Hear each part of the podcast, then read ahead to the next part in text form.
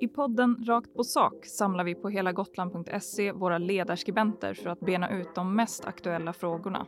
Vill du höra analyser och gå djupare in på det som påverkar gotlänningarnas vardag har du kommit helt rätt. Välkommen till podcasten Rakt på sak med Eva Bofride, Mats Linder och Erik Fransson. Och mig, Cecilia Thomsson.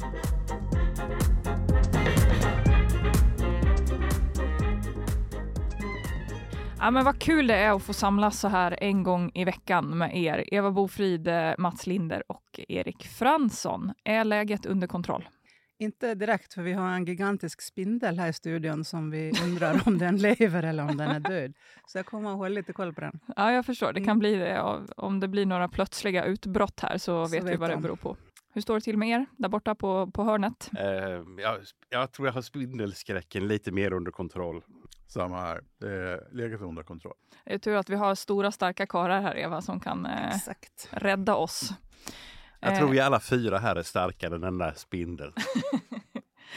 Men du eh, Mats, jag måste ju bara kolla med dig. Eh, känns det bättre nu när Postkodlotteriet inte längre befinner sig på Gotland rent eh, fysiskt? Uh, jag försökte ignorera dess närvaro bäst möjligt. Så nej, jag kan ingen större skillnad jag förstår. Eh, vi eh, går väl rakt på sak då, tänker jag. Eh, och i veckan så presenterade regeringen eh, vårproppen, som det ju kallas i folkmun. Eh, det var inte en krona direkt till, till eh, Gotlandstrafiken där vad det verkar. Var det väntat, skulle ni säga? Eh, ja, det var väntat eftersom regeringen även tidigare sagt att, att eh, det blir inga pengar förutom det som dikteras av, av, av avtalet. Och de menar ju att det finns formella hinder för att, för att betala ut några extra pengar för att sänka kostnaderna eh, för gods och resenärer. Nu kan man då hävda att det finns sätt att ta sig runt de formella hindren. Eh, men om regionen vill övertyga regeringen om att faktiskt hitta en sån omväg så måste man nog liksom slipa på argumentationen och komma med nya argument och nya bevis på hur det här drabbar Gotland. Jag vet inte om man, eh, hur många bevis man ska behöva rada upp för att visa att det här påverkar Gotland. Det är de flesta är ganska eh, eniga och tydliga om, tycker jag. Sen är det inte lätt, det är ingen som har sagt, men det som är konstigt är ju den totala tystnaden och ointresset, att man inte ens svarar när, när regionens, eh, eller halva regionens politiska styre skriver till regeringen så svarar man inte ens på, på den här, det här nödropet som det faktiskt var, utan det är, eh, det är helt tyst. Och de som säger något berömmer ju den här, att det är så bra allting i budgeten, men ingenting om det här, den här frågan då, som är så avgörande för Gotland. Nej, det var ett väntat beslut. Det, det som Eva säger, det finns ett, eh, ett tydligt ointresse från regeringen att, att hitta någon lösning på det här. Eh, det, det, går ju att tillsätta eh, utredningar, det går ju att be Trafikverket och, och eh, försöka hitta lösningar. så att det är, de, de har lämnat Gotland därhen. Alltså. Det, det, vi ingår inte längre i hela Sverige känner jag det som. Hanna Westerén var det väl som ställde en eh, fråga eh, på temat till eh, Ebba Busch och hennes svar lät ju något i stil med att men ni får ju en tredje elkabel. Vad, vara nöjda? Ska vi vara nöjda med det? Det är ju lite olika frågor, tycker jag. Um, ska vi kunna ta oss över uh, till, till fastlandet så är det ju lite svårt att åka på elkabeln. Uh, det är ju lättare att ta färjan faktiskt, men då borde det vara priser som, som rimmar med våra plånböcker också. Lite billigare att åka på elkabeln kanske? Ja, om inte annat blir det lite djupare också. Med livet som insats i och för sig. Ja. Spänningsnytt äventyrs eh, destinationsmål. Nej, men det är, jag tror det också vittnar om att trots att vi då i så många år påtalat vikten av eh, våra kommunikationer så förstår man inte här i alltså övriga Sverige. Man fattar inte att det är så viktigt som vi säger utan man tror att vi bara att vi bara gnäller och vill ha mer och mer pengar och vi ska liksom inte behöva betala någonting. Men det, det här, alltså hela Gotland påverkas ju så otroligt påtagligt. Men det går liksom inte fram. Vad ska vi göra då? Ska vi låta regionen, eller eh, regeringen provbo på Gotland eh, ett år för att, eh, för att få dem att inse? Eller vad, vad, vad ser ni för, för lösning på det här? Alltså det har ju varit så många regeringar genom åren som, som eh, har kunnat hitta bättre lösningar på det här. Och, och, eh, så att jag vet inte om det skulle hjälpa. Eh, många regeringsföreträdare har också bott på Gotland eh, under, under stora perioder. Det finns väl de som fortfarande bor här. Eh, så att, alltså jag tror inte det hjälper, utan, utan någonstans så måste ju eh, hela Gotland på ett stort eh, stå, ta ett stort steg och visa sammanhållning och, och verkligen eh, visa att rättning i leden från regeringens sida, oavsett vilken regering det är som sitter. Eh, och man kan väl hoppas att, att det här i alla fall ger vågor, i någon form av, av vågor på vattnet så att eh, de kommande upphandlingarna blir bättre och att man säkrar upp just de här problemen som uppstått nu. En aktör som är väldigt tyst i i eh, den här frågan och eh, många andra frågor nu för tiden, men som har väldigt stort inflytande är Sverigedemokraterna. Alltså hur använder de sin påtryckans möjlighet eh, mot regeringen, kan man fråga. Ingen har nog ställt den frågan ännu, vad jag har hört i alla fall. Så det är också en uh, intressant aspekt. Och när jag var i Finland nyligen så träffade jag bland annat uh, politiker ifrån Åland. Och där har, de har ju en avundsvärd situation på vissa sätt, eh, bland annat på det sätt som färjetrafiken mellan Åland och Finland och Åland och Sverige bedrivs.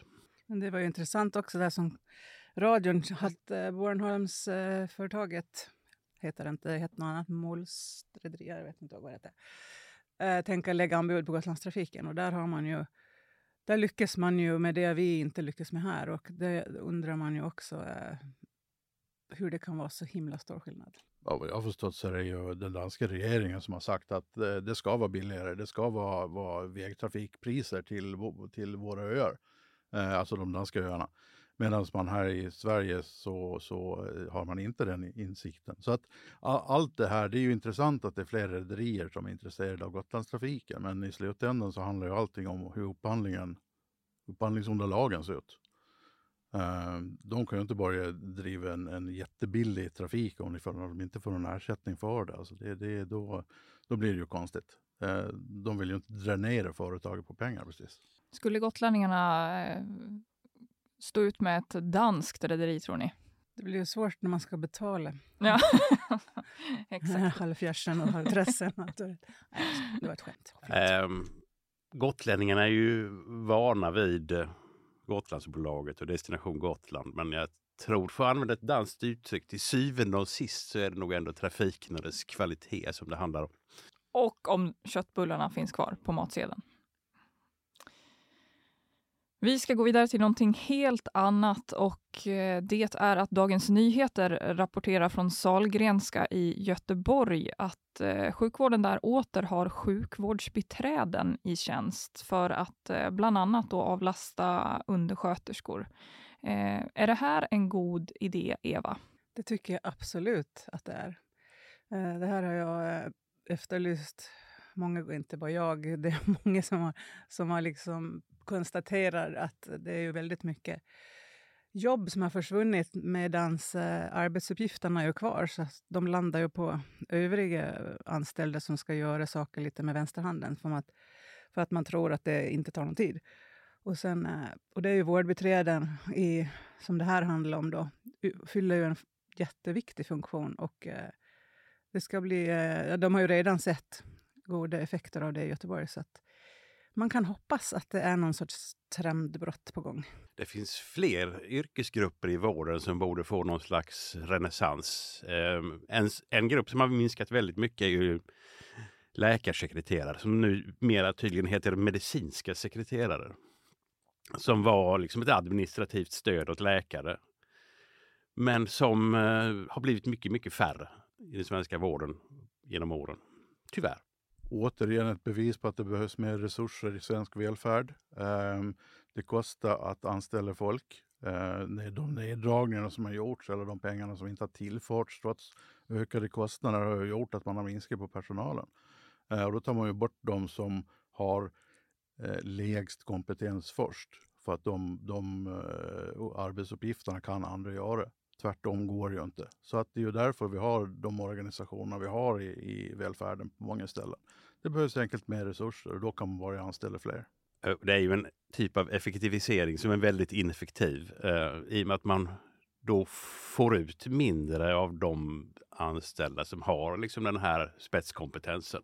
Som istället får ägna sig åt att göra, göra jobb som andra kunde göra. Så jag, jag är inte säker på att det blir dyrare precis genom att kunna anställa till exempel fler läkarsekreterare, fler vårdbiträden. Jag tror snarare att man kan få en effektivare organisation faktiskt. Sen har, välfärden får ju tillskott varje år. Det, man räknar ju upp, liksom, så att det är inte som att man drar ner på resurserna och ändå blir det bara sämre. Så det handlar ju om organisering och eh, resurser kombinerat. Alltså det behövs ju fler händer och varje hand som äh, hjälper till i, i välfärden kostar pengar i form av lön. Så att det är klart det behövs mer resurser. Eh, det, det som har hänt är ju att, att eh, man har dratt ner utifrån de behoven som finns. Eh, det tillförs ju resurser varje år men det har inte varit tillräckligt med resurser. Men är inte det här någon slags genomgående trend också, absolut i eh, offentlig sektor, men även i privat, att det är eftersträvansvärt eh, som arbetstagare att kunna allt istället för att vara riktigt bra på, på någonting. Vad, vad tror ni egentligen liksom generellt om det konceptet? Alltså, jag, jag, vet inte riktigt om det är det som har hänt, utan det är ju det som har blivit framtvingat genom, genom de besparingar som har skett överallt. In, inte bara i, offentlig, i offentliga verksamheter, utan även i, i privata. Eh, man har ju någonstans i, försökt att, att göra besparingar som i slutändan leder till högre kostnader. Det är ju precis som att säga. Men jag tror inte att de besparingarna som har gjorts Eh, eller de effektiviseringar, eller vad nu du ska kalla det för, de misslyckade effektiviseringar som har gjorts inom, inom den, det offentliga, ehm, eh, att det skulle kunna fixas till utan att det kostar pengar. För att ett effektivare flöde gör ju inom situationstecken bara eh, att, att eh, exempelvis vårdtagare får snabbare vård. Inte att eh, det genererar mer pengar eh, som det skulle gjort inom, inom privat verksamhet. Jag tycker jag ser ett mönster som... Visst, handl, allting handlar i botten om pengar, men det handlar också om en, en, eh, en tro på att det, här, eh, att det är ett bra sätt att ha liksom, anställda där alla kan... Man tror att alla kan allt, så kan man flytta omkring folk lite hur som helst. Och så har man inga problem med, med att liksom, eh, ha olika kompetenser i olika roller. Så jag tror det här är en... Genomtänkt eh, management-trend som går igenom både offentligt och privat och som man borde gå ifrån. Alltså där, där tycker jag du har fel Eva. För att idag så har vi ju inte för få undersköterskor inom, inom äldreomsorgen. Vi har inte för få sjuksköterskor inom, inom eh, sjukvården och vi har inte för få läkare inom, inom sjukvården. Sa jag Utan, det? Förlåt, nej, det menade jag inte i så fall. Nej, men, men, men det du säger det är ju att man måste organisera om det i så fall. Det krävs ju att det är fler anställda. Inte att man, inte att man gör undersköterskor, inte att undersköterskor exempelvis ska, ska specialiseras på något sätt. Um, jag vet inte riktigt hur du menar, men det var inte så jag menade. Ja, men då, då, då, måste det till mer personal och då måste det till mer resurser. Hur ska man annars organisera om exempelvis inom äldreomsorgen? Att man delar upp arbetsuppgifterna på olika anställda. Alla gör inte allt, utan man gör olika saker.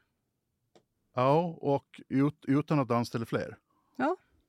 Ja, men då, då, då, är det ju, då säger du att det finns för många undersköterskor idag. Nej. Om, om de då ska delas upp på något sätt så att det, det, det, liksom, alltså det, det, det där, det där jag, jag köper inte de argumenten. Ja, det behöver du inte göra heller, men det är inte, jag menar inte att man ska ha många fler anställda. Jag tror att det var, framgick vad jag tyckte, men jag vet inte. Ska vi agree to disagree? Tror yes. det. Härligt. Vi går då vidare till eh, att hyresförhandlingarna mellan Hyresgästföreningen och Gotlands hem äntligen är avslutade. Det här har vi ju pratat om eh, flera vänder här i podden också. Och om jag inte missminner mig så eh, gissade vi ju ganska rätt i var det här skulle landa, nämligen någonstans kring 5 höjning och 4,9 blev det ju. Eh, och inte helt oväntat så är ju båda parter missnöjda. Gotlandshem tycker att det är alldeles för låg höjning och Hyresgästföreningen tycker att den är eh, på tok för hög. Nu vill jag ju veta vad, vad ni tycker. Jag tycker att det verkar väldigt lätt att sitta i hyresmarknadskommittén. Man tar de två buden och sen delar man dem med två. Ungefär så verkar det gå till. Eh, att döma av det här resultatet och tidigare år. Resultatet var väl hyfsat väntat. Sen kan man ju alltid diskutera ifall det var ett bra resultat eller inte, men, men i dagens läge så känns ju det som en, en, eh, rimlig nivå. Alltså bostadsbolagen har ökade kostnader och, och, och det har även hyresgästerna. Så att, eh, eh, att man hamnar någonstans mitt emellan känns väl ändå rätt rimligt.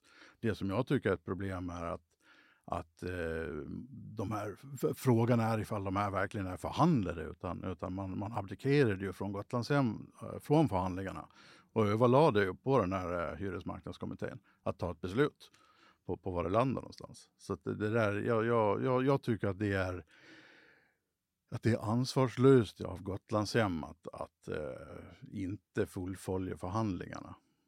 Om man i en förhandling inte kommer överens så slutar det med antingen att man eh, gör någon uppgörelse ändå eller också att man lämnar det till en central förhandling. Det är ju två parter som förhandlar, inte en. Och Sen kan man ju tycka också att det är intressant att det kritiseras det här resultatet på 4,9 medan eh, förhandlingarna som var klara för flera veckor sedan med Klara Bo hamnar på 5 procent. Och det är ingen som tycker att det var något konstigt eller ansvarslöst. Eller så. Intressant. Men det är ju skillnad på privata bolag och på allmännyttan också. Eh, allmännyttan ska ta ett större ansvar, eh, tycker jag i alla fall. Ja, men för hyresgästerna det, spelar det ingen roll om vilken, vem man betalar hyran till, den är lika hög ändå. Det som jag tyckte var lite intressant i det här var ju att Gotlandshem i pressmeddelandet när de eh, berättade eh, utfallet då, då deklarerade att de eh, på grund av att de inte fick vad de begärde i höjda hyror eh, inte kommer få tillräckligt med pengar till underhåll nu heller. Och det känns ju lite som att man har hört eh, den förr. Är det, är det rimligt att använda det argumentet eh, gång på gång, oavsett om det handlar om eh, att, bygga, att de behöver bygga bostadsrätter och eh, sälja ut områden och vad det nu har varit? Ja, det är väl rimligt om det visar sig sant. Det vill säga man, om man nu tvingas liksom sälja ytterligare delar av beståndet i Gotlandshem för att finansiera den nyproduktion man vill åstadkomma och, och eh, renoveringen av de befintliga lägenheterna. Eh, jag upplever den retoriken som antingen, antingen jäkligt högljudd eller eh, så är bolaget i en stor ekonomisk kris. Det, det, jag tror inte på det andra. Jag tror inte att bolaget är i så pass stor ekonomisk kris att de inte ens klarar av att sköta normalt underhåll på sina fastigheter. Eh, utan utan de, de får ju en retorik som de har haft sedan sen ett antal år tillbaka om att allting är för jäkligt och vi måste ha mer pengar och högre hyror. Nu är det ju inte normalt underhåll vi talar om utan en, ett uppdämt behov över flera decennier av underhåll som man inte har gjort. Man river ju till exempel två kvarter för att man inte har haft underhåll på dem. Så att, det ju, att påstå att det här är en hittepå-argument tycker jag är ganska oseriöst faktiskt. De kvarteren rivs för att de var undermåligt byggda från början. Att eh, plattor och så vidare inte, inte håller. Eh, sen har ju de också varit utan underhåll ett bra tag och det vittnar hyresgästerna om också, men det är ju inte därför de rivs. Men den här underhållsskulden då, eh, borde man ha hanterat den tidigare? Man den... försöker ju varje år vid framförallt hyresförhandlingar. Men det går ju inte fram där, utan som sagt, då, då delar eh, eh hyresmarknadskommittén delat med två och så blir det det. det är liksom, man, kommer, man löser ju aldrig problemet oavsett vem man tycker har eh, rätt. Liksom. Den skulden skulle ju fixas bort med de försäljningar man gjorde för ett antal år sedan till eh, Klara Bo som de heter idag. Eh, men det hände ju inte. Och, och, nu så tänker man använda pengarna för där man sålde ut eh, studentlägenheterna till att, att eh, klara av den dagliga verksamheten. Så att alltså, no någonting är riktigt galet i det där bolaget. Det finns absolut eh, jobb för den nya styrelsen att göra när de kommer dit. det kan man prata om hur länge som helst. Revisorer och sånt där som kollar sånt. Men, jag tror han är död faktiskt. Eller också är han fascinerad av vår Ja, vi konstaterar här att spindeln har inte rört sig under poddinspelningens gång, vilket eh, tyder på att hen inte är vid liv. Eh, vi ska hantera det här, och, men först ska vi säga tack eh, och bock från oss. Och har ni synpunkter, frågor eller tips på saker vi borde prata om så får ni jättegärna mejla mig på cecilia.thomson gotlandsallehanda.se. Tack för den här veckan.